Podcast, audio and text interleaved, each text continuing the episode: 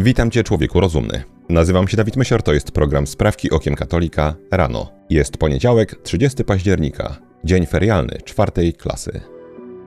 Wszystkie sprawy nasze prosimy Cię, Panie, natchnieniem Twoim uprzedzaj, a pomocą wspieraj, aby wszelka modlitwa i praca nasza od Ciebie się poczynała i przez Ciebie się kończyła. Przez Chrystusa, Pana naszego. Amen. Niemcy i cały Kościół.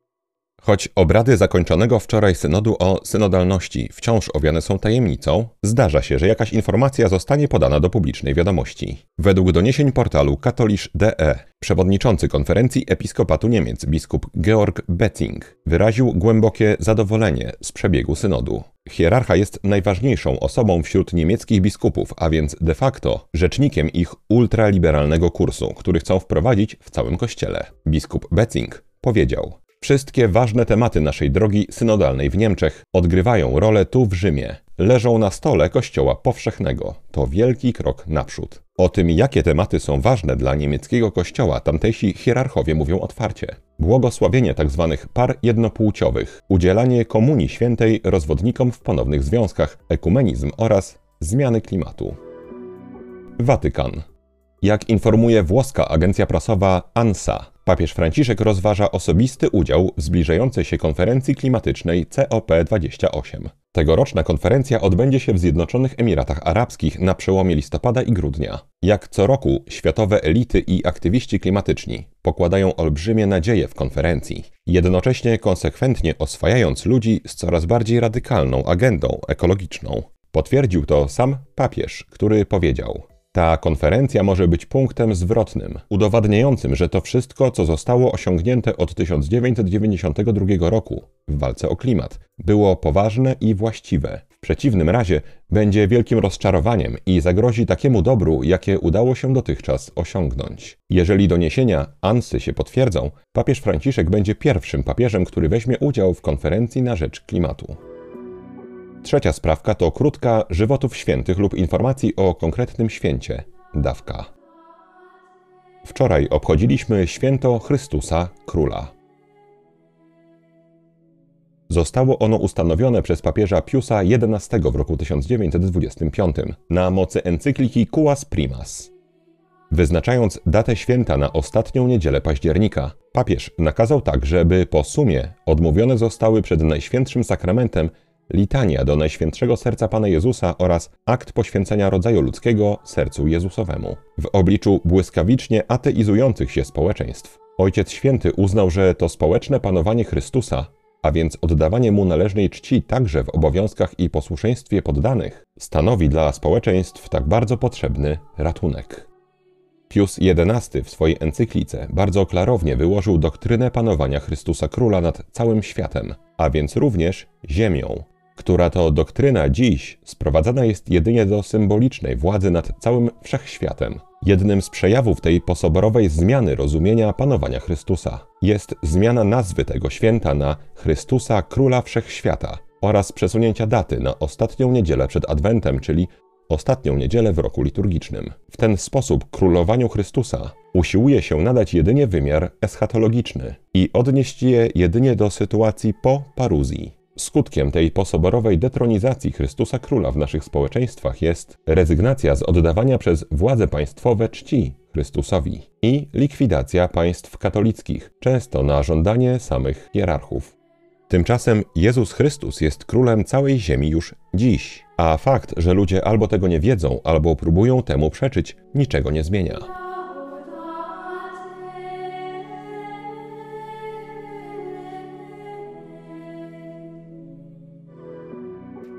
Szwajcaria. W niedzielę 22 października w Szwajcarii odbyły się wybory do dwuizbowego parlamentu, czyli Zgromadzenia Federalnego. Zgodnie z ogłoszonymi w środę wynikami, po raz kolejny zwyciężyła konserwatywna szwajcarska Partia Ludowa, uzyskując blisko 28% głosów. Drugie miejsce zajęła lewicowa Socjaldemokratyczna Partia Szwajcarii, która zanotowała ponad 18% poparcie. Kolejne miejsca zajęły partie konserwatywnych liberałów, chadeków oraz zielonych. Ci ostatni zanotowali spadek poparcia o ponad 4 punkty procentowe względem poprzednich wyborów, tym razem nie osiągając nawet 10% głosów. Według sondaży szwajcarscy wyborcy kierowali się programem partii w trzech kluczowych obszarach: imigracji, finansów i zmian klimatycznych. Niski wynik zielonych oraz rosnące poparcie dla sprzeciwiającej się migracji Partii Ludowej świadczyć może o tym, że Szwajcarzy zdecydowanie bardziej wolą dbać o bezpieczeństwo swoich ulic niż o. Tak bezpieczeństwo planety. Stany Zjednoczone. Aż 33 z 50 amerykańskich stanów zdecydowało się poprzeć pozew zbiorowy przeciwko koncernowi Meta, będącego właścicielem takich platform jak Facebook, Instagram czy WhatsApp. Władze stanowe solidarnie uznały, że technologia Mety celowo uzależnia dzieci od mediów społecznościowych, powodując wśród najmłodszych szereg dysfunkcji, takich jak depresja czy bezsenność. W treści pozwu czytamy: Meta wykorzystuje potężne i bezprecedensowe technologie, aby kusić, angażować, a ostatecznie usidlić młodzież i nastolatki. Jednocześnie ukrywając, w jaki sposób platformy wykorzystują i manipulują najbardziej bezbronnymi konsumentami, nastolatkami i dziećmi. Pozew jest wynikiem toczonego od ponad dwóch lat śledztwa, związanego ze zbieraniem przez koncern Marka Zuckerberga danych dotyczących dzieci poniżej 13 roku życia bez poinformowania i zgody rodziców. 9 z 17 stanów, które nie uczestniczą w pozwie zbiorowym, zdecydowało się wejść na ścieżkę sądową indywidualnie. Japonia. Japońsko-koreański koncern Lotte Group, będący m.in. właścicielem polskiej marki popularnej czekolady Wedel, postanowił wejść na chwalebną ścieżkę walki o klimat. Zgodnie z międzynarodowymi wytycznymi, Lotte Group opublikowało raporty ze swojej działalności w roku 2022, uwzględniając w nich swoją aktywność na rzecz zrównoważonego rozwoju. Udostępnianie takich danych ma skłonić uwagę społeczeństw na szkodę, jaką powodują firmy niedostatecznie walczące o klimat. Dotychczas każda z firm, łącznie z marką Wedel, publikowała te raporty dobrowolnie. Nowe prawo Unii Europejskiej przewiduje natomiast wprowadzenie obowiązku w tym zakresie, a tym samym wywoływanie presji na przedsiębiorstwa, które do tej pory nie angażowały się w klimatyzm. Polska. Konferencja rektorów wyższych seminariów duchownych, diecezjalnych i zakonnych opublikowała najnowsze dane dotyczące liczby osób przygotowujących się do kapłaństwa lub życia zakonnego. Według danych z 1 października do 74 seminariów duchownych zgłosiło się łącznie 280 kandydatów, z czego 195 do seminariów diecezjalnych, a 85 do zakonnych. Liczba ta daje średnią na poziomie 3,7 kandydata na seminarium. Natomiast w niektórych ośrodkach jest ona odpowiednio wyższa. W Krakowie, Rzeszowie i Warszawie przyjęto kolejno 14, 13 i 12 alumnów. Oznacza to także, że do wielu seminariów nie zgłosił się w tym roku żaden kandydat, nawet pomimo trwającego od kilku lat procesu łączenia seminariów w ośrodki międzydiecezjalne. Raport nie uwzględnia natomiast seminariów tradycyjnych. Do seminarium Bractwa Kapłańskiego Świętego Piusa X w niemieckim Zeitskofen wstąpiło aż sześciu Polaków. Doliczając do tego kandydatów, którzy zdecydowali się na inne tradycyjne instytuty, może okazać się, że reprezentacja tradycjonalistów jest silniejsza niż niejedna diecezja. Ponownie Polska. W nocy z 22 na 23 października doszło do kolejnej profanacji kościoła w Polsce. Jak donosi komisariat policji w Skoczowie w województwie śląskim, nieznani sprawcy włamali się do kościoła pod wezwaniem świętego Jana Chrzciciela w Brennej i ukradli pozłacany kielich oraz relikwiarz. Choć w samym kościele niczego nie zniszczono, nie wiadomo, czy kradzież motywowana była jedynie pragnieniem zysku ze sprzedaży poświęconych naczyń, czy nienawiścią do wiary. Parafia oszacowała straty wynikające z kradzieży na kwotę 5000 zł. Jednak fakt rabunku paramentów przeznaczonych do sprawowania najświętszej ofiary o nieskończonej wartości niesie za sobą dużo poważniejsze konsekwencje niż zwykła kradzież. Ostatnia sprawka to krótka rozprawka. Dziś o Halloween. Jakiś czas temu mówiliśmy o herezji angelizmu, która w pewnym uproszczeniu mówi, że zachowanie jest mniej ważne niż to, co się ma w sercu. Jakby u człowieka jedno można było oddzielić od drugiego. Najczęściej błąd ten wykorzystuje się do uzasadniania Komunii Świętej na rękę i na stojąco, lub na przykład ograniczenia w nowej liturgii gestów czci, przyklęknięć. Jakby nowoczesny człowiek wyniósł się ponad to. Ważne, co jest w sercu.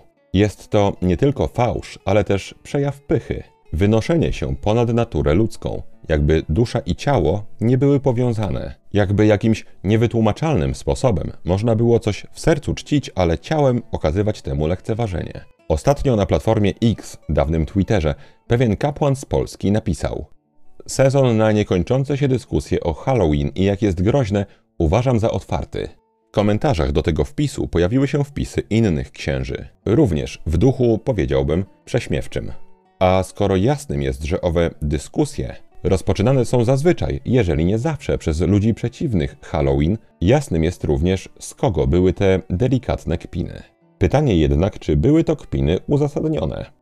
Promocja Halloween od około 20 lat jest w Polsce wyjątkowo nachalna. Kilka lat temu, na przełomie października i listopada, zabrałem swoje dzieci na zamknięty plac zabaw, taki z kulkami i zjeżdżalniami. Kupiliśmy bilety, wchodzimy, a tam wita nas obsługa z charakteryzacją halloweenową, ale nie taką żartobliwą, naprawdę wykonaną na wysokim poziomie. Namalowane podcięte gardła, szkła kontaktowe w nienaturalnych kolorach, zakrwawione kły wampira. Jedna z takich pań zwróciła się do mojego dziecka, a to, choć nauczone jest grzecznie odpowiadać dorosłym, spojrzało tylko na mnie i powiedziało: Tato, chcę stąd wyjść.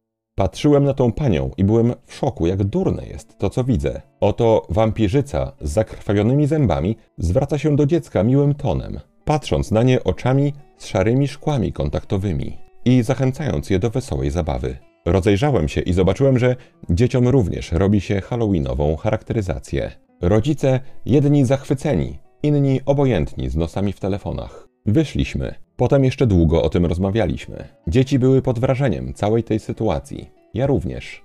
Myślałem, kiedy to się stało. Oczywiście skrajnie naiwne jest myślenie, że jest to moda zrodzona jakby oddolnie. Ktoś zobaczył to w filmie amerykańskim i nagle w całej Polsce mamy imprezy halloweenowe. Cmentarne dekoracje. Dzieci w szkole wycinają dynie, przebierają się za kościotrupy, wampiry, ewentualnie zombie. I gdy chcesz już coraz bardziej nieśmiało powiedzieć, że hej, hej, to nie jest polskie, to nie jest katolickie, to nie jest neutralne, to nie jest bezpieczne. Wyśmieją cię już nie tylko lewacy, którym mózgi wyprały już libertyńskie media, a skoro te mówią, że Halloween jest wspaniałe i że jest to niewinna zabawa dla dzieci i dla dorosłych, to oczywiście tak musi być. Wyśmieją cię również, jak powiedziałem wcześniej, niektórzy księża. Pytanie, co jest w tym takiego śmiesznego? Czy jeżeli nazywamy coś zabawą, staje się to bezpieczne? Czy, jak twierdzi wspomniany na początku angelizm, mogę ciałem oddawać się okultyzmowi, ale mrugnę okiem i powiem, że to jest tylko zabawa i pozostanę bezpieczny. Tym bardziej moje dziecko. Halloween wywodzi się ze starożytnej Brytanii, w której ten czas roku poświęcało się Bogu śmierci, między innymi przez składanie mu ofiar z ludzi jeden z twórców współczesnego satanizmu, nieżyjący już Antoni LaVey, powiedział, że Halloween to dla kościoła szatana najważniejszy dzień w roku. Na czym więc polegają te śmichy chichy z Twittera? Czy nie jest to może uspokajanie własnego sumienia, że skoro sam nie umiem stanowczo ostrzegać ludzi przed spirytyzmem i demonami, bo prawdopodobnie mi wstyd i boję się libertyńskich kpin, więc szybko zamienię wszystko w żart. Może jest tak, że skoro nie umiem odważnie gromić katolików za flirt z pogaństwem, za którym zawsze krok w krok idzie satanizm, to muszę udawać, że sprawa jest błaha. Już lepiej byłoby milczeć, a ci odważniejsi niech zwalczają tę ohydę. Maryjo, posłuż się mną dziś jak chcesz. Wykorzystaj mnie jak chcesz. Byle tylko, choć jeden grzesznik zszedł z drogi zatracenia, poszedł do spowiedzi świętej i zwrócił się ku Panu Jezusowi. To na dzisiaj wszystkie sprawki okiem katolika rano. Jeżeli chcesz nam pomóc, daj proszę łapkę w górę pod tym filmem na YouTubie i napisz komentarz. Jeżeli chcesz wesprzeć zespół Sprawek Okiem Katolika najmniejszą chociaż kwotą, to szczegóły jak można to zrobić znajdują się w opisie tego odcinka. Wszystkim patronom bardzo dziękuję i przypominam, że następna msza święta w intencji o Boże błogosławieństwo dla patronów tego programu zostanie odprawiona 12 listopada. Mój drogi słuchaczu, życzę Ci błogosławionego dnia. Króluj nam Chryste, zawsze i wszędzie. Człowieku rozumny, trzymaj się, nie łam się i bardzo Ci dziękuję za Twój czas. Gdy słuchasz tych słów, ja prawdopodobnie robię z siebie głupka, próbując złapać Jordana Petersona na krótką rozmowę o katolicyzmie. Jeżeli czas pozwoli, spróbuję nagrać na jutro odcinek podcastu zawierający moje wrażenia z Londynu. Tymczasem Tobie życzę dobrego poniedziałku. Zostań z Panem Bogiem.